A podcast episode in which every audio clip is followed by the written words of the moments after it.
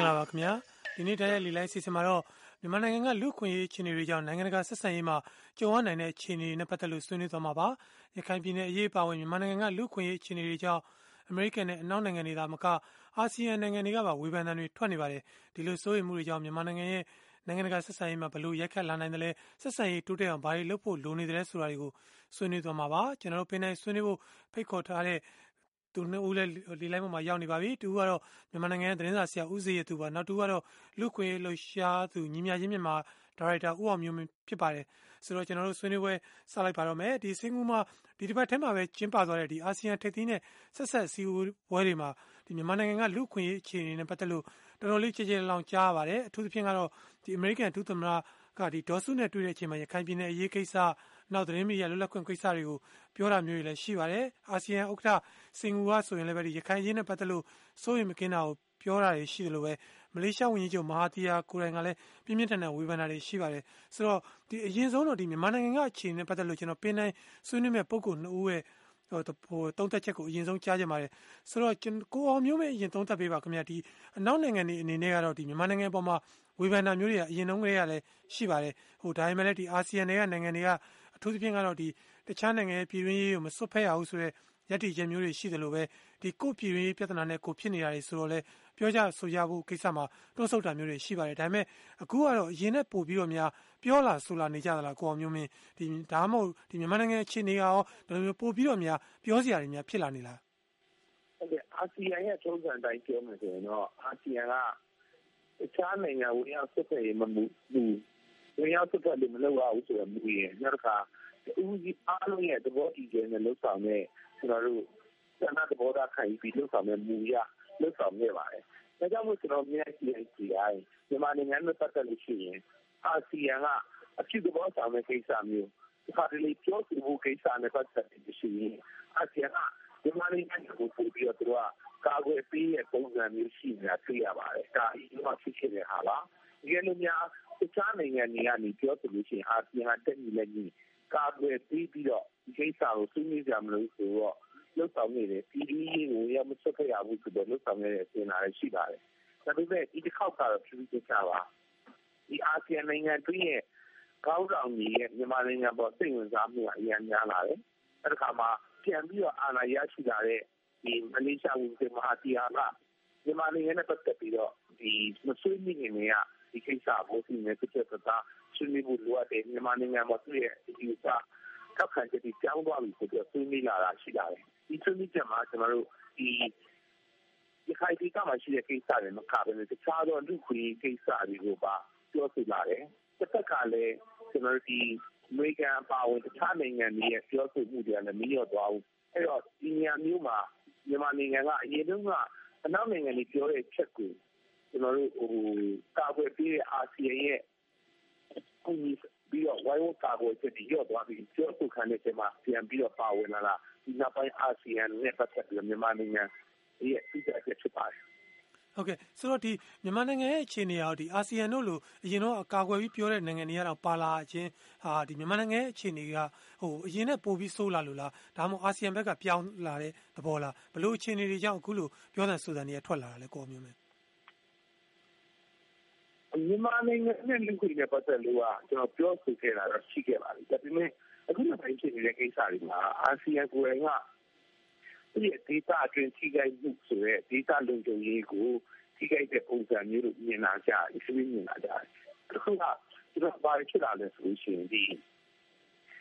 ဒီခိုင်ဒေတာမှာ ဖြစ်တဲ့ ကိစ္စတွေက တချို့သော အာဆီယံနိုင်ငံတွေဒီလိုမျိုးတော့ထိခိုက်တယ်ပေါ့နော်။ဒီဘာသာတည်တဲ့သူတွေ နောက်ကသူတို့နဲ့ပတ်သက်ပြီးတော့စိတ်ဝင်စားမှုတွေကဖြစ်သွားလာတယ်။အဲ့တော့ဒီအမျိုးအရင်တော့လေနိုင်ငံရေးကိစ္စတွေမကဘဲနဲ့နိုင်ငံနဲ့နိုင်ငံရဲ့ policy ကိုတော့ရိုက်ခတ်မှုဖြစ်လာတယ်။တက်တက်မှာလေအရင်တော့ဆိုရင်ဒီဒီမျိုးလောက်ဆောင်နေချိန်မှာဥပဒေဆောင်ရွက်မှုအပိုင်းကိုပေါ်မလားမြန်မာနိုင်ငံအစိုးရဘက်ကနိုင်ငံတကာနဲ့လက်တွဲလို့ဆောင်မှုအပိုင်းမှာပေါ်မလားဆိုတဲ့အရာမျိုး ကျွန်တော်တို့ညှိနှိုင်းခဲ့တဲ့နောက်ပိုင်းမှာလက်တွဲလှုပ်ဆောင်မှုရအားအားကြီးလာတယ်။လက်တွဲလှုပ်ဆောင်မှုတော့အားနည်းလာတယ်။တစ်ခါမှလည်းဒီနိုင်ငံကြီးရဲ့အာဖိအားပေးမှုတွေဝိုင်းဝန်းလှုပ်ဆောင်မှုတွေကလည်းဒီဒီမှာနေရာထုတွေမကောက်ဒေတာပေါ်မှာလည်းတရားမှုအများကြီးရှိလာတယ်။ဒါဆိုလို့အာဆီယံနိုင်ငံရဲ့နိုင်ငံတွေရဲ့မြန်မာနိုင်ငံပေါ်တင်ပြပြောဆိုမှုကအရင်ကတည်းကပုံပြီးတော့ပြင်းထန်လာလို့သုံးသပ်လို့ရပါတယ်။ ဟုတ်ကဲ့ဆိုတော့ကိုစီသူရဲ့သဘောထားခင်ဗျာအခုကျွန်တော်တို့ဒီအာဆီယံနေဟိုအရင်တော့လို့ပြောလို့ပြောထားမရှိတဲ့အာဆီယံဘက်ကတော့မှပြောလာဆိုလာတယ်ဆိုတော့ဒါအာဆီယံဘက်ကသဘောထားတွေပြောင်းလာတာမျိုးလားဒါမှမဟုတ်မြန်မာနိုင်ငံရဲ့အခြေအနေကပြောစရာပိုဖြစ်လာလို့လားကိုစီသူသုံးသပ်ပေးပါခင်ဗျာ။အဲအဓိကတော့မြန်မာပြည်ရဲ့အခြေအနေကပိုပိုဆိုးလာလို့ပေါ့လေအခုကတော့တကယ်ကို နိုင်ငံတကာပြဿနာအကြီးကြီးဆိုတဲ့ဟာမျိုးဘက်ကိုရောက်သွားတယ်။အနည်းဆုံးတော့ဘင်္ဂလားဒေ့ရှ်၊ဘင်္ဂလားဒေ့ရှ်ကနေမှခုနကလိုအရှေ့တောင်အာရှဘာညာဒီဘက်ကိုပြေးလာတာတွေလည်းရှိမယ်။နောက်ပြီးတဲ့အခါကျရင်ကျနော်တို့အကြမ်းဖက်မှုအန္တရာယ်ရောက်လာတယ်ဆိုရင်ဒါကအကြမ်းဖက်မှုအန္တရာယ်ဆိုရင်အနီးစပ်ဆုံးကမြန်မာပြည်ကနေဆက်ပြီးပျံ့လာမှာအရှေ့တောင်အာရှပြန်ဖြစ်နေတဲ့အခါကျတော့သူတို့ကိုယ်တိုင်လည်းစိုးရိမ်လာတဲ့သဘောရှိတယ်ပေါ့နော်။အထူးသဖြင့်တော့အရင်တုန်းကဆိုရင်ဘာပဲပြောပြောမြန်မာကိုနားလည်တဲ့နိုင်ငံတွေလို့ပြောလို့ရတယ်။ဥပမာစင်္ကာပူလိုဟာမျိုးပေါ့ သူတို့ကိုယ်တိုင်ကကိုကဒါကစကားလုံးကတော့သုံးတာကယဉ်ကျေးခြင်းပဲသုံးတယ်ဒါပေမဲ့သူတို့ကိုယ်တိုင်ကမြန်မာကဒီလမ်းကြောင်းမသွားသင့်ဘူးပေါ့နော်ပိုကောင်းတဲ့လမ်းကြောင်းကိုသွားသင့်တယ်ဆိုတဲ့ဟာမျိုးကျွန်တော်တို့ပြောလာတာတွေ့ရတယ်အရင်ဟိုစင်ဟိုဒီနိုင်ငံရေးဝန်ကြီးဆိုရင်အရင်2019ဖြစ်ဖြစ်ချင်းမှာသူရင်ကြီးလာကမှာတကယ်တမ်းတော့မြန်မာပြည်ကိုကာကွယ်တဲ့နေကုန်းမျိုးကိုသူကပြောခဲ့တာဒါပေမဲ့အခုနောက်ပိုင်းသူတို့လိုနိုင်ငံတွေကပါဘာပြောပြောမြန်မာကိုဖိအားပေးလာတဲ့သဘောရှိတယ်ပေါ့နော်အဲ့ခါကျတော့ သူတို့မြန်မာဒါကနိုင်ငံတကာပြဿနာအကြီးဖြစ်လာတယ်ပြီးတော့သူတို့ကိုယ်တိုင်ကိုထိခိုက်မဲ့ဟာမျိုးဖြစ်လာတယ်အဲ့ဒါကိုလည်းမြင်လာတယ်နောက်တစ်ခုကတော့ဟိုမိတ်ဆွေနိုင်ငံအနေနဲ့လည်းဟိုလုံးလို့ရမယ့်နေကိုဝိုင်းပြီးတော့ဖြည့်ရှင်းပေးတာလည်းပါတယ်ပေါ့လေ။ဘာလို့လဲဆိုတော့ကျွန်တော်တို့နိုင်ငံရဲ့ approach ကတကမ္ဘာလုံးနဲ့ကိုဝဲတယ်လို့ဖြစ်နေတဲ့အခါကျတော့အာဆီယံနိုင်ငံတွေကလည်းဒါကိုမြင်လာပုံရတယ်ပေါ့နော်။ဆိုတဲ့အခါကျတော့ကျွန်တော်မြင်တော့အရင်တက်မလို့ဆိုရလက်ထက်တုန်းကဖိအားတဲ့တောင်မှ အခုချိန်မှာခံရတဲ့ ဖိအားတော်တော်ကြီးတယ်ပေါ့ အရင်တော့ဆို သူကညနေချင်းဆိုင်တွေ့ရင် ဘာပြောပြောတော့ အေးဆေးဆေးကျွန်တော်တို့ဖြစ်သွားလို့ရှိတယ်ခုကျတော့ဒီကျွန်တော်တွေ့ရတော့ဒီ American ဒုသမ္မတ Mike Pence နဲ့ ဒေါ်ဆန်းစုကြည် တွေ့တာဆို သူတို့နောက်မှာတော့ အေးဆေးဆေး ဖြစ်ချင်ဖြစ်မယ် ဒါပေမဲ့ဒီမီဒီယာတွေရှိမှာတော့သူတော်တော်လေးကိုဆို တယောက်နဲ့တယောက်က အခြေတင်တက်တဲ့ ပုံစံမျိုးတွေတက်တွေ့ရတာပေါ့နော်တက်တွေ့ရတဲ့ခါကျတော့ ကျွန်တော်မြင်နေရတော့ မြန်မာနိုင်ငံနဲ့တက်တဲ့ အခြေအနေကအာဆီယံ ပါဝင် နိုင်ငံတကာအတိုင်းဝိုင်းက ယူဆတဲ့အတွက်ကြောင့်မို့လို့ ဖိအားဟိုးရင်ကားတဲ့တောင် ပိုကြီးလာတာ တွေ့ရတာပေါ့ ဟုတ်ကဲ့ခင်ဗျဆိုတော့ဒီမြန်မာနိုင်ငံဒီလူခွင့်ပြဿနာတွေမှာလက်တလောဒီရခိုင်ကိစ္စရှေ့တန်းရောက်နေပေမဲ့လည်းဟိုမီဒီယာလွတ်လပ်ခွင့်ကိစ္စတွေလို့တခြားကိစ္စတွေကလည်းဒီနိုင်ငံတကာအတိုင်းအဝိုင်းမှာမကြာခဏဆိုသလိုဟိုထောက်ပြပြီးပြောနေတဲ့ကိစ္စတွေပါဟို EU ဆိုရင်လည်းဟိုတလောကပဲဒီ GSP ကုန်သွယ်ရေးအထူးခန်းစားခွင့်တွေပြန်ရုပ်တင်မတင်ဆိုပြီးတော့လာပြီးအကဲခတ်တာမျိုးတွေရှိပါတယ်ဆိုတော့ဒီမြန်မာနိုင်ငံရဲ့လက်ရှိလူခွင့်အခြေအနေကရောဒီနိုင်ငံတကာဆက်ဆံရေးမှာဟိုကြီးကြီးမားမားအကျိုးဆက်တွေရှိလာနိုင်သလားကိုစီရသူ အဲရှိတာပေါ့လူခွင့်ရတော့သူကဟိုနိုင်ငံတကာဆက်ဆံရေးမှာသူကမူဝါဒပေါ့လေတရားတစ်ချောင်းအနေနဲ့ကျွန်တော်တို့ကရှိတယ်ဟိုဥမာအမေရိကန်မှာဆိုလဲသူကဒီ human right အဖွဲ့ဆိုပြီးတော့မှဒီဒါဟိုသမဏအကြံပေးတဲ့ဖွဲ့ရဒီလူခွင့်ရရှိတော့အောင်ကြည့်တယ်တူဖက်ကြတော့လဲစီဝါရှိတော့အောင်ဖွံ့ဖြိုးရှိတော့အောင်ကြည့်တယ်ဆိုပြီးသူ့ဘာကိုအကြံပေးဖွဲ့ရတစ်ဖွဲ့နဲ့တစ်ဖွဲ့ထောက်ထားကြတာမှာ human right ဖွဲ့ကကျွန်တော်တို့တက်တက်ရှိတာဟိုရှိတဲ့ခါကျတော့ဒါကတော့အခုရခိုင်ကိစ္စပေါ်လာတဲ့အခါမှာကျွန်တော်တို့ရဲ့တခြားဟာတွေကလည်း ထောက်ွက်ဖြစ်လာတာပေါ့လေ။ဘာလို့လဲဆိုတော့တကွက်မြင်ပြီဆိုရင်ကျွန်တော်ချစ်သောမျက်စိနဲ့ရှုကြည့်ရင်တော့တော်တော်များများပျောက်သွားတာပေါ့လေ။၂၀၁၄-၁၅လောက်တုန်းက။အခုကျတော့ဒါကအပြစ်တင်တဲ့မျက်စိ၊မုန်းတဲ့မျက်စိနဲ့ကြည့်လာကြတဲ့အခါကျတော့ကျန်တဲ့အရင်တုန်းကသိပ်မမြင်တဲ့ဟာတွေပါ၊အနာအဆာတွေပါအခုဟာမြင်လာပြီးတော့မီဒီယာလွတ်လပ်ခွင့်ကျတော့လည်းအခုရိုက်တာကိစ္စပေါ့လေ။ရိုက်တာကိစ္စကတော့ရခိုင်ကိစ္စနဲ့တိုက်ရိုက်ချိတ်ဆက်နေတဲ့အခါကျတော့ဒီနှစ်ယောက်ကို ထောင်ထဲထည့်ထားလိုက်တော့ ကျွန်တော်တို့ လက်ရှိဥပဒေအရဆိုရင်တော့ အပြစ်ရှိတာ မရှိတာ ဒါကတပိုင်းပေါ့ ဒါပေမဲ့ နိုင်ငံတကာအပြင်မှာကျရိုက်တာဆိုတာက တကယ်ကို တကမ္ဘာလုံးကို သတင်းရောင်းစားနေတဲ့အဖွဲ့ကြီး သတင်းဖြန့်နေတဲ့ အဖွဲ့ကြီးอ่ะဆိုတော့ သူတို့တည်ရဆိုတာနဲ့ တကယ်တကမ္ဘာလုံးမှာ မြန်မာဟိုမီဒီယာလွတ်လပ်ခွင့်မှာထိသွားပြီ မီဒီယာလွတ်လပ်ခွင့် ထိပြီဆိုရင် ကျန်တဲ့ဟာတွေပါ အလိုလျောက်ကျွန်တော်တို့ကဆင်းသွားတတ်တဲ့ ထုံးစံလည်းရှိတော့ဟိုပို့ပြီးတော့ လူတွေက စိုးရိမ်လာကြတာပေါ့နော် နိုင်ငံတကာအမြင်ကလည်းဟိုဒုခွင့်ရေးပါ တော်တော်လေးကိုမှ မြန်မာပြည်ကထိနေပြီဆိုပြီးအကုန်လုံးကဝိုင်းပြောလာကြတာပေါ့ပြီးတော့ဟိုအရင်ကနောက်ဆုံးနေရတဲ့ဒီလူခွင့်ရေးဖွဲ့တွေပေါ့လေဒီလူခွင့်ရေး lobby ဖွဲ့ကြီးတွေရှိပါတယ်နိုင်ငံတကာမှာလူခွင့်ရေးစောင့်ရှောက်နေတယ်သူတို့ကိုယ်တိုင်ကလည်းမြန်မာပြည်နဲ့ပတ်သက်ရင်အရင်ကရေးစရာနဲသွားတယ်ပေါ့နော် report တွေကအခုကျတော့ report ကမြန်မာပြည်နဲ့ပတ်သက်ပြီးဒီရရေးလိုက်ရင်ကိုမှနိုင်ငံတကာကနေပြီးတော့မှလက်ခံပြီးတော့ဖတ်တဲ့အနေထားရောက်လာတော့သူတို့ကလည်းသူတို့တခြားသွားလုပ်ရမလို့အာဖရိကကြောင်ရေးရမလို့မြန်မာပြည်ကြောင်ရေးလိုက်ရင်ကိုသူတို့အလုပ်ကတဝက်လောက် က လေးဖို့သုံးဖို့လောက် ပြီးတဲ့ကိစ္စဖြစ်တော့ သူတို့ဘက်ကလည်း ဒီဘက်ကို အားထည့်လာကြတော့ ပိုပိုပြီးတော့ဒီမြန်မာပြည်လူခွင့်ရေးကိစ္စနိုင်ငံတကာမှာ ပေါ်လာတာပေါ့လေ ကျွန်တော် စိတ်ကတော့လေဟုတ်ကဲ့ဆိုတော့ ကိုအောင်မျိုးမင်း သဘောထားခင်ဗျာအခုဒီလက်ရှိ မြန်မာနိုင်ငံရဲ့ လူခွင့်ရေး အခြေအနေတွေအရဒီနိုင်ငံတကာ ဆက်ဆံရေးမှာ အကျိုးဆက်တွေ ကြီးကြီးမားမားကျော်ရနိုင်တယ်လို့များ ယူဆလားအာအကျိုးဆက်တော့ကြီးကြီးမားမား ဖြစ်နေပုံစံမျိုး ဖြစ်ပါတယ် ဒီကျောင်းဆိုင်ကြီးအစိုးရလာတဲ့ချိန်မှာပြည်တော်မကမှာကျွန်တော်တို့ဒီအရင်တော့က တုန်းကလို့ကျွန်တော်မင်းကြီးရဲ့ရှိနေဒီနိုင်ငံတစ်ခုမှာအချက်ကွဲဖို့အတွက်လှုံ့ဆော်ပြီးတော့နာမည်ပေါ်ထုတ်တဲ့ပုံစံမျိုးမဟုတ်ဘူးအမျိုးမလုပ်တင်တော့ဘူးအစိုးရစစ်ကိုကျွန်တော်တို့နှိမ့်ညမယ်သူ့အနေနဲ့ပြည်ပြပြောင်းလဲမှုတွေလှုံ့ဆော်မယ်ဒါကြောင့်မို့လို့ကုလသမဂ္ဂမှာရှိတဲ့အထူးလုပ်ထုံးလုပ်ပြီးလမ်းစဉ် special procedure ကိုတော့ကျွန်တော်တို့ဟိုပယ်ချက်ဖို့အတွက်ကြိုးစားခဲ့ကြတဲ့လှုပ်ရှားမှုတော့ရှိခဲ့တယ် ကျွန်တော်တို့ပြည်စင်မြန်မာနိုင်ငံကိုလာရောက်ပြီးစုံစမ်းပြီးလာတဲ့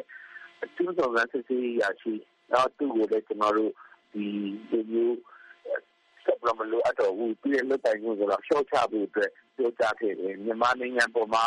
ဒီပြည်ပြည်ကြောင်းရဲ့မှုကိုအားပေးထောက်ခံတဲ့အနေနဲ့ဒီတော့အရေးကြီးရှော့ချခဲ့တယ်ဒါပေမဲ့အဲ့ဒီခါအကုန်လုံးကအခုချိန်မှာ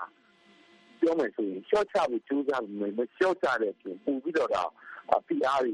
ကဒီ site အရင် site ကြီးရအများများလာတယ်ဘာကြောင့်လဲဆိုတော့ခုနပြောကျွန်တော်ဒီခိုင်ပြည်သက်မှာဖြစ်နေတဲ့ကိစ္စကတကယ်ကိုနိုင်ငံတကာရဲ့အာမျက်စိအာတောက်တောက်ကြည့်ရတဲ့အခြေအနေဖြစ်ဖြစ်လာတယ်။ဆိုးွားပါတယ်လို့ပြောလာကြတယ်။ဒီအရင်တော့ပြောနေတဲ့နိုင်ငံတွေမကဘူး။ဒီအရင်တော့မြန်မာနိုင်ငံအကြောင်းလူခွေနဲ့ပတ်သက်ရင်စိတ်ဝင်စားတဲ့နိုင်ငံတွေကစပြောဆိုမှုတွေရှိလာတယ်။တစ်ဖက်မှာလည်းကျွန်တော်တို့ကအရင်တော့ကိစ္စတွေကရေပေါ်လာတော့မရေပေါ်ကြ။ စစ်ပွဲတွေဆက်တော့ရှိနေတော့မယ်ဖိနှိပ်တဲ့ဥပဒေတွေကြောင့်မို့လို့ခုနလိုရိုက်တာလိုမျိုးနောက်ကသတင်းတွေပေါ်ဖန်ဆီးမှုရှိလာတယ်နောက်ကတရားစီရင်ပိုင်းမှာအားနည်းတဲ့ဆိုတဲ့ချက်တွေကရှိနေတော့တခုလုံးမကတော့ဘဲနဲ့တခြားသော issue တွေအများကြီးဆက်ရှိလာတယ်အခုဒီခေတ်ကလည်းအခုဒီနေ့ဒီလိုရတယ်ဆိုတော့ဒီအရေးကြီးတဲ့နေရာမှာဒီအရာမျိုးမဟုတ်ဘူးသတင်းစစ်စစ်မှုရမ်းမြန်တယ်သတင်းစစ်စစ်မှုရမ်းမြန်တယ်ဒါလည်းမှာကျွန်တော်တို့ခုနလိုဖြ စ်စီကအားလုံးအာရုံစိုက်ရောက်တဲ့စူပူဝါဖြစ်တဲ့ဖြစ်ဖြစ်ဖြစ်တဲ့ခါမှာဒီမှာအရာမအာရုံစိုက်ကိုများလာတယ် အဲဒါကြောင့် အခုဆိုရင်ကျွန်တော်တို့ဘယ်တော့မှလူခွင့်ကောင်စီပါရှိတဲ့ လူလူခွင့်ဆိုင်လက်လို့ဒီမှာကပဲနေ you know အတဲ့ကျွန်တော် UNC Green Data ဘာသူတွေရာဒီဘုရားတမကလူတွေကောင်စီတီသူတွေရာဒီနောက်တစ်ချက်အစီအစဉ်ခေါ်တဲ့ဒီတရားစီရင်မှုအပိုင်းကြီးဆက်လက်သွားမှုကြီးလောက်ဆောင်တဲ့ဟာတွေက မြန်မာနိုင်ငံ နိုင်ငံသေးသေးနဲ့ကျွန်တော်တို့ကိုယ်တိုးတက်ဖို့တော့ပြောပြနေတယ်ပါအများကြီးတက်မှုအများကြီးပါတယ်ဟုတ်ကဲ့ဟုတ်ကဲ့ဆိုတော့ကျွန်တော်ဒီဆွေးနွေးဝတ်တို့ကိုပါဝင်ဆွေးနွေးဖို့ကျွန်တော်တို့ဆက်သွယ်ထားတဲ့ပုံကိုလည်းတော်တော်များရှိနေပါတယ်ဆိုတော့ကျွန်တော်အရင်ဆုံးမြစ်တာရက်ခန့်နေတာတော့ဒီဆွေးဟိုကျန်တဲ့လူတွေလည်းအကုန်လုံးပါဝင်ဆွေးနွေးခွင့်ရဖို့အတွက်ကိုတနက်နေ့မြလိုရင်းတူရှင်းနဲ့ဆွေးနွေးနေတာပဲဖြစ်ဖြစ်မင်းမြန်းနေတာပဲဖြစ်ဖြစ်ဆွေးနွေးမင်းမြန်းပေးဖို့မြစ်တာရက်ခန့်နေပါတယ်ကျွန်တော်အရင်ဆုံးတူကတော့ကျွန်တော်မြန်မာနိုင်ငံကကိုစိုးဝေဖြစ်ပါတယ်ကိုစိုးဝေဆွေးနွေးမင်းမြန်းလို့ရပါတယ်ခင်ဗျ ဟုတ်ကဲ့ဟုတ်ကဲ့ကျွန်တော်တို့ဒီလူခွင့်ရေးပေါ့ဗျာလူခွင့်ရေးဆိုတာကလူသားတိုင်းလူသားတိုင်းရဲ့အခွင့်အရေးဖြစ်တယ်မွေးဖွားလာကြတဲ့ကဒါမွေးဖွားလာတဲ့အတူတူလူဖြစ်လာတဲ့အတူပါလာတဲ့အခွင့်အရေးဖြစ်လို့လူသားတိုင်းလူသားရထိုက်ရတဲ့အခွင့်အရေးဖြစ်တယ်ဆိုတာကိုကျွန်တော်ပြောချင်တယ်အဲ့ဒီရတဲ့ရထိုက်တဲ့အခွင့်အရေးကိုလည်းမှန်ကန်တဲ့အချက်အလက်တွေနဲ့တွားမှ ဟိုရရှိပါလိမ့်မယ်မမှန်မကန်တဲ့အချက်အလက်တွေမမှန်မကန်တဲ့အထောက်အထားတွေတွားလို့တော့ဘယ်တော့မှရနိုင်မှာမဟုတ်ဘူးလို့ကျွန်တော်ပထမဆုံးပြောချင်ပါတယ်ပြီးတော့ဒုတိယထပ်ပြီးကျွန်တော်ပြောချင်တာကဒီပေါ့ဟိုအကြောင်းအရာတစ်ခုကိုချိကတ်တဲ့နေရာမှာနော်ဟိုပေါ့ဒေါသနဲ့တွားလို့အမှန်ကိုမရောက်နိုင်ပါဘူးဉာဏ်ပညာနဲ့တွားမှအမှန်ရောက်နိုင်ပါလိမ့်မယ်ကျွန်တော်တို့မြန်မာနိုင်ငံကဟိုလွတ်လပ်ရကြတဲ့ကဟိုအဆက်ဆက်တက်လာတဲ့အစိုးရတွေဟာ အာဏာရှင်ဆန်တဲ့အစိုးရနောက်ဆက်အာဏာရှင်အစိုးရပေါ့ဆိုတဲ့အခါမှာကျွန်တော်တို့ဟိုဟိုမြန်မာနိုင်ငံမှာတက်တယ်လေအများကြီးသူတို့ကြောင့်ဒါ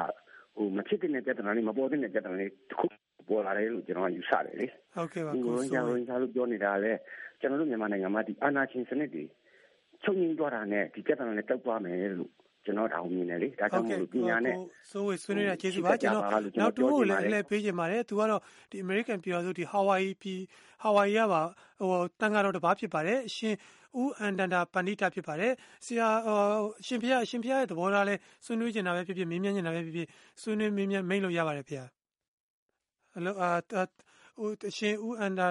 အနန္ဒပဏိတလိုင်းကတော့ကြာသွားပါတယ်နောက်တူကတော့ကျွန်တော်တို့မြန်မာနိုင်ငံကိုအေးလိုင်ဖြစ်ပါတယ်ကိုအေးလိုင်ရှိနေမယ်ထင်ပါတယ်ကိုအေးလိုင်သဘောထားလဲလူရင်းတူရှင်ဆွေးနွေးနိုင်ပါတယ်ခင်ဗျာအဲဟုတ်ကဲ့ပါခင်ဗျာကျွန်တော်နောက်ယူကျွန်တော်ဒီတဘောတာကတော့ဘလို့ပြောမယ်ဆိုလို့ဒီကကနိုင်ငံသားအနေနဲ့တော့အနေနဲ့ငင်ပါဟိုအာကုလသမဂ္ဂပါမမနိုင်ငံပေါ်တော့ပြအပူပူပြီးတော့ပြအပေးနိုင်တယ်လို့ကျွန်တော်ယူဆတယ်။ဘာကြောင့်ဆိုလို့ဒီကကဘူးလက်ရှိအစိုးရအနေနဲ့ ရခိုင်အရေးပါရခိုင်အရေးရောဟိုကချင်ရှင်းအရေးရောဘာတခုမှတော့တုတာမှုသူတို့ကတော့တုတာမှုလုံးနိုင်တာမရှိပါဘူးခင်ဗျာပေရှင်းပြနိုင်တာမရှိပါဘူးဘာကြောင့်လဲဆိုလို့ဒီကဥပမာအပြင်အပြင်ပြောမယ်ဆိုရင်တော့ရကဲအရေးမှာဥပမာအပြင်ယောဟန်ဂျာယောဟန်ဂျာလို့အော်နေရင်တော့ဥပမာအပြင်အဲဒီတော့ဒီလိုအတေးပြလိုက်ရင်တော့ အဲ့တော့သူတို့သူတို့ကလည်းပေရှင်းသွားပြီဥပမာအပြင်အပိတ်ကရစ်ဆွရဆက်ထုတ်တာတဲ့ကေလို့နိုင်တယ်ဟုတ်ကဲ့ဒီလေးဒီမှာရှင်းလို့ခါတရားလို့ရှိပြီဒါမှဘာတကူမှတပေါင်းသူချရတာမရှိပါဘူးခင်ဗျအဲကြောင့်ပြောမယ်ဆိုရင်တော့နိုင်ငံတကာပါဘုရားသမဂပါတော့အလုံးနိုင်ငံပေါ့အကွာတော့ဒီအားမမနိုင်ငံအပေါ်တော့ပုံပြီးတော့ပြအားတယ်ပြလာနေလို့ကျွန်တော်ယူဆတယ်။ဘာကြောင့်လဲဆိုလို့ရှိတာဟုတ်ကဲ့ကိုကြီးလိုက်တော့ပြအားပြနေထား အခုပြအနိုင်ငံတကာကနေပြအဖေးနေတာပေသွားတဲ့ရှုပ်သွဲလာမယ်လို့ကျွန်တော်ပြောတာ။ဘာကြောင့်ဆိုရင်အခုကြီးရွာတဲ့စုပွားတဲ့ပိတ်တာတွေစလုံးကြီးအလို့သမားတွေအလုံးမဲ့သိသွားမယ်။ဒါပေမဲ့ပေတူလူတို့တွေနိုင်နာသွားမယ်ဆိုတာကအဲ့ဒါအစိုးရအနေနဲ့ပေတူလူတို့အပေါ်တနာစေနဲ့တာနာစေထားပြီးတော့အဲ့ဒါပြင်ချမ်းကြဟုတ်ကဲ့ကိုကြီးလိုက်ဘလူနီးနဲ့တဲဆောင်နိုင်မလဲနိုင်ငံတကာအားတွေကိုဘလူဆောင်နိုင်မလဲ ဟုတ်ကဲ့ကိုဝေးလိုင်ဆွေးနွေးတာကျေးဇူးပါဟိုကိုဝေးလိုင်အဓိကပြောချင်တာကတော့ဒီရခိုင်ပြည်နယ်အရေးနဲ့ပတ်သက်ပြီးဖြည်းဖြည်းလေးလေးဟိုဟိုကျင်းနေနိုင်လောက်တဲ့အဖြေတစ်ခုရှာမယ်ဆိုရင်တော့ဟိုနိုင်ငံတကာဖိအားတွေလည်းရောပါသွားနိုင်တယ်ဆိုတာကိုဟိုအဓိကပြောချင်တယ်လို့နားလည်ပါတယ်ဆိုတော့အခုစောစောကျွန်တော်တို့တယ်လီဖုန်းလိုင်းပြတ်သွားလို့ပါဟိုအရှင်ဦးအန္တတာပါနီတာလိုင်းပေါ်ဒီလိုင်းပေါ်ပြန်ရောက်လာပါပြီအရှင်အန္တတာပါနီတာအနေနဲ့လည်းဆွေးနွေးချင်တာပဲဖြစ်ဖြစ်မေးမြန်းချင်တာပဲဖြစ်ဆွေးနွေးမိတ်ကြားလို့ရပါတယ်ဗျာဆွေးနွေးနေတာပါတကယ်ဘုံမောကတော့ ဗမာလူမျိုးတော့မဟုတ်ပါဘူးအမေကတောင်ပိုင်းအိန္ဒိယပါဗမာပြည်ကိုလည်းဘုံမောကဒီနှစ်ကို10ကောင်းလောက်ပြိုက်တာကိစ္စအိမ်နဲ့ကြွားတဲ့ခါကျတော့ဗမာပြည်ကတော့ဟိုခုနဆရာလူပြောသလိုပါပဲလူအခွင့်အရေးဆိုတာကတော့လုံးဝမရှိဘူးအဲ့ဒါတော့အမှန်ပဲနောက်တစ်ခုကတော့သူကဟိုမြန်မာအလင်းသတင်းစာလိုပဲတကယ်အမှန်နေတော့အဲ့ဒါလည်းဘုံမဗမာစကားတွေလည်းကောင်းကောင်းမပြောတတ်တော့ကောင်းတာကတော့ ဘုံမကစင်ကာပူမှာနေတာများတယ်ဒူဘိုင်းမှာနေတာများတယ်အမေရိကန်နိုင်ငံသားဖြစ်နေတာ1985ခုနှစ်တည်းอ่ะသူတို့တိုင်းပြည်တွေမှာဥပဒေအရန်ကောင်းတယ်လိုက်နာတယ်အဲ့ဒီလိုပဲမြန်မာနိုင်ငံကဥပဒေကောင်းကောင်းလုပ်ပြီးတော့လိုက်နာမယ်ဆိုရင်တော့ဟိုတခြားဘာမှလုပ်ပေးကြမလိုဘူးလို့ထင်ပါတယ်တင်ပါဗျာဘုံလည်းအဲဒါပါပဲဥပဒေတိုင်းပဲပေါ့နော်တင်ပါဗျာ ဟိုတရားဥပဒေစိုးမိုးဖို့အရေးကြီးတယ်ဆိုတော့အရှင်ဖျားအဓိကထောက်ပြနေတာပေါ့သူတို့ပြောတာတွေကိုလိုက်လုပ်ပေးကြမလို့ဟိုရခိုင်ကပြောမယ်ဟိုရိုဟင်ဂျာကပြောမယ်အဲ့ဒါတွေလည်းလိုက်ပြောဖို့ကိုတိုင်းပြည်ကဥပဒေကောင်းကောင်းဥပမာဘုံကစင်ကာပူနဲ့ဒူဘိုင်းကိုလေ့လာတဲ့အခါကျတော့သူဘာမှပြဿနာမရှိဘူးလေသူတို့အရန်ကောင်းတယ်လေတင်ပါဗျာဒီမှာတိုင်းပြည်မှာဥပဒေကိုတိုင်းပြည်ကိုလူမျိုးကိုနိုင်ငံကိုဘာသာကိုယဉ်ကျေးမှုကိုဥပဒေဒါအတိုင်းနာ တကယ်လိုက်နာမယ်ဆိုရင်ဘာမှပြဿနာမရှိပါဘူးဒါပါပဲဘုံဘုံပြောချင်တာတင်ပါဗျာဆွေးနွေးတာကျေးဇူးပါနောက်တူကတော့ဖင်လန်နိုင်ငံကိုငင်းချမ်းအောင်ဖြစ်ပါတယ်ကိုငင်းချမ်းအောင်သဘောထားလဲဆွေးနွေးမြင်မြန်လို့ရပါတယ်ကိုငင်းချမ်းကဲကဗျာကောလင်ဦးရေအမကောမျိုးမျိုးကိုစီအေရတူပါရှိပါတယ်ကျွန်တော်တို့အိန္ဒိချင်းထိုင်းနိုင်ငံမှာအလုတ်ရှိအလုတ်သမားဆိုပြီးတော့လွှဲချလို့ရတဲ့လူခွင့်ရေးချိုးဖောက်မှုတွေကိုတော့မှထိုင်းအစိုးရကတည်တည်ချာချာအရေးယူတာကိုကြည့်ပါ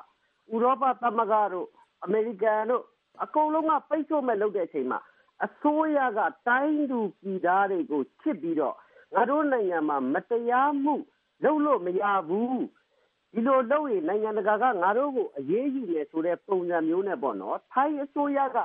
အရေးယူပြတဲ့ပုံစံမျိုးဟိုဗိုလ်ချုပ်ကြီးတွေကိုပါအရေးယူပြတဲ့ပုံစံမျိုးတွေကိုမလုံနိုင်ဘူးကိုတိုင်းပြည်ကိုကိုကမချစ်ဘူးအမျိုးသားရေးရားစစ်ရေးနဲ့ပဲတွားပြီးတော့လူခွင့်ရေးကိုဂရုမစိုက်ဘူးဆိုရင်တော့ အနောက်နိုင်ငံကဖိအားတွေကပိုးပို့ပြီးတော့လာမှာသူတို့စံနှုန်းနဲ့ကျွန်တော်တို့စံနှုန်းနဲ့ကိုက်เสียမလိုပါဘူးကျွန်တော်တို့ကနိုင်ငံတကာက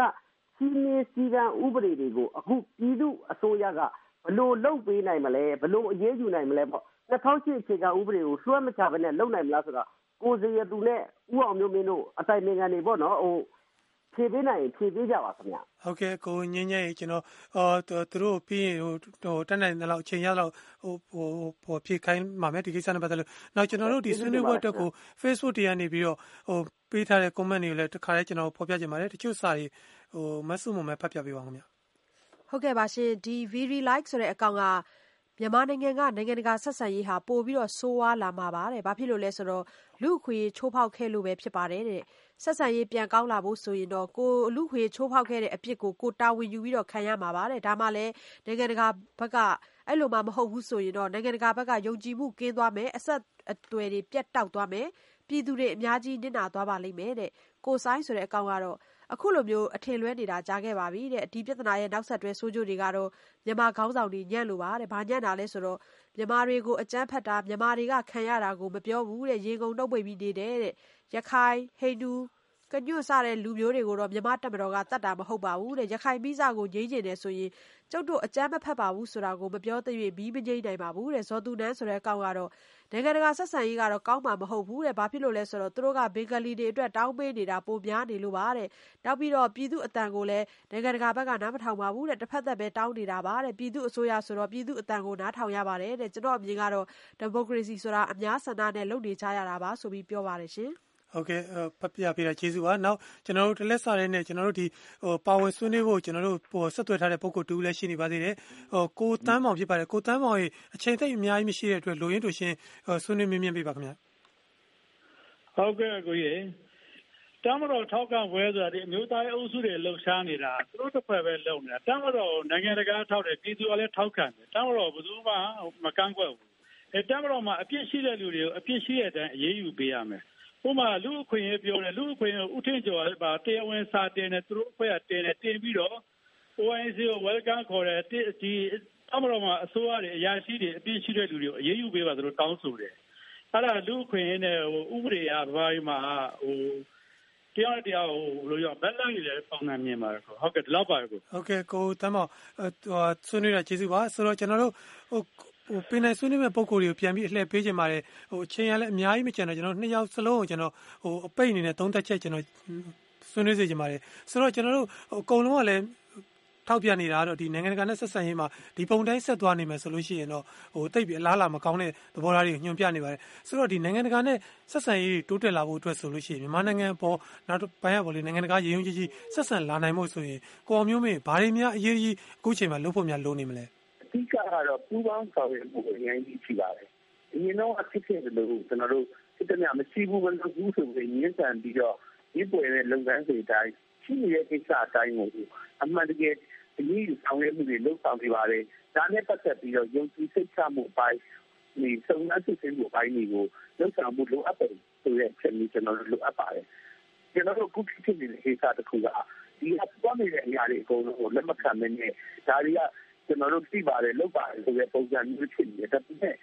ရစီအောင်အများကလက်ခံနိုင်တဲ့တာဝန်ယူမှုတာဝန်ခံမှုရှိတော့အဖြစ်ရှိတဲ့သူကိုအဖြစ်ရှိတဲ့အတိုင်းရေးနိုင်တဲ့လုပ်ငန်းစဉ်မျိုးရှိသေးဘူးဒါကိုလုပ်ပါတယ်ဆိုတဲ့တက်တည်ကြချက်မရှိရဘူးအဲ့ဒီတစ်ခုကြောင့်လို့ကျွန်တော်ပို့ဆိုးနေတယ်ဒါကြောင့်ပူပေါင်းဆောင်ရွက်မှုနဲ့ထိရောက်တော့လုပ်ဆောင်မှုအပိုင်းကိုပြောတာဆက်ဆိုလို့ရှိရင်လက်တွဲလုပ်ဆောင်မှုလိုအပ်ပါတယ်ပြည်ပြည်တောင်းတဲ့မှုလိုအပ်တော့ဥပဒေပိုင်းဆိုင်ရာပဝန်းကျင်ပိုင်းဆိုင်ရာဒီချက်တွေကို ပြောင်းလဲပြီးတော့ ပူပေါင်းဆောင်ရွက်မှု သွားပါလို့ တိုက်တွန်းလိုပါတယ် ဟုတ်ကဲ့ ဆိုတော့ ဆရာဈေးသူရဲ့ သဘောထားခင်ဗျာကျွန်တော်ဒီနိုင်ငံတကာနဲ့ ဆက်ဆံရေး တိုးတက်လာဖို့ဆိုရင် မြန်မာနိုင်ငံဘက်ကဟိုအရေးကြီး အခုချိန်မှာ လုပ်ဖို့ လိုအပ်တာ လုပ်တင်တာ ဘာတွေများ ရှိမလဲ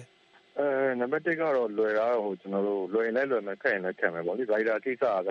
ကျွန်တော်စိတ်ထဲတော့ ဖြည့်ရှင်းပေးဖို့ လိုတယ်ပေါ့နော် ဥပမာ သမရအနေနဲ့ဒါဟိုကိုဘကဒါဟိုပြစ်ဒဏ်လဲချပြီးသွားပြီဆိုရင် ဒါ သူ့အနေနဲ့ ဒါလူမျိုးချမ်းသာခွင့်တို့ဘာလို့ပေးလိုက်တဲ့ဘာညာပေါ့လေအဲ့လိုမျိုးဆိုရင်တော့ကျွန်တော်အမြင်တော့ဒီရတော့ပိုဆိုးနိုင်စရာမရှိဘဲနဲ့ပိုတော့မှသိခါတက်လာဖို့ရှိတယ်ပေါ့နော်ဒါကဟိုလွယ်လဲလွယ်တဲ့ဟာတစ်ခုပါအဲ့ဒါတစ်ခုပေါ့နော်နောက်တစ်ခုကတော့ဟိုခုနရခိုင်မှာကဟိုစခန်းတွေလည်းအများကြီးဟိုဘက်ကလည်းဝင်တိုက်တယ်ကိုဘက်ကလည်းဝင်ပြန်တိုက်ရတဲ့ခါကျတော့ဒီခုနှစ်သိန်းလောက်ထွက်ပြေးသွားတယ်ဆိုတော့ဒါကသူ့ဘက်ကိုဘက်တော့အမှားတော့ကျွန်တော်တို့ရှိမှာပဲအဲ့ခါကျတော့ကျွန်တော်တို့ကဟိုပင်ပိတ်ငင်းမယ်စားလေဟိုကိုဘက်ကပြောခွက်တွေရှိတယ်ဆိုရင်လည်းဘာတွေဘာတွေဖြစ်သွားတယ်ဒါကိုပုံပုံလင်းလင်းနဲ့ တေချာရှင်းပြပြီးတဲ့ခါကျရင်နိုင်ငံတကာကိုလည်းလက်ခံလာအောင်လို့ကျွန်တော်တို့ပြောပြအဲ့လိုလုပ်လိုက်မယ်ဆိုရင်ဘာပြောကျွန်တော်တို့ကဟို platform အသစ်ရလာမယ်ဒီဟပုံမှန်ဆိုကိုကသူတို့သွားစကားပြောမယ်ဆိုရင်နိုင်ငံတကာဖွဲ့စည်းတွေသွားစကားပြောမယ်ဆိုသူတို့ကလက်ခံတွေ့ဖို့ခက်တယ်အခုရခိုင်ကိစ္စဖြစ်တော့လူတိုင်းကတွေ့ကျင်နေကြတယ်လေ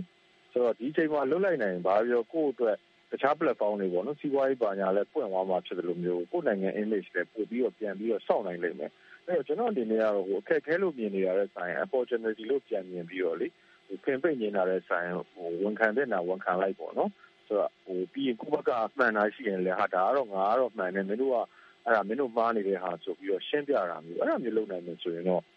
ဒီဆက်တွေကတော့ဆက်သွားနိုင်ကြတော့ရှိပါတယ်ဟုတ်ဟုတ်ကဲ့ပင်နိုင်ဆွေးနွေးပြတဲ့သတင်းစာဆရာဦးစီရဲ့သူလူခွေလှူရှားသူညီမြချင်းမြန်မာဒါရိုက်တာဦးအောင်မျိုးမင်းကိုယ်တိုင်ပါဝင်ဆွေးနွေးတဲ့သူတွေစာရေးသားပေးပို့သူတွေနဲ့သောတာရှင်တွေအားလုံးကိုအထူးပဲကျေးဇူးတင်ပါတယ်ခင်ဗျာ။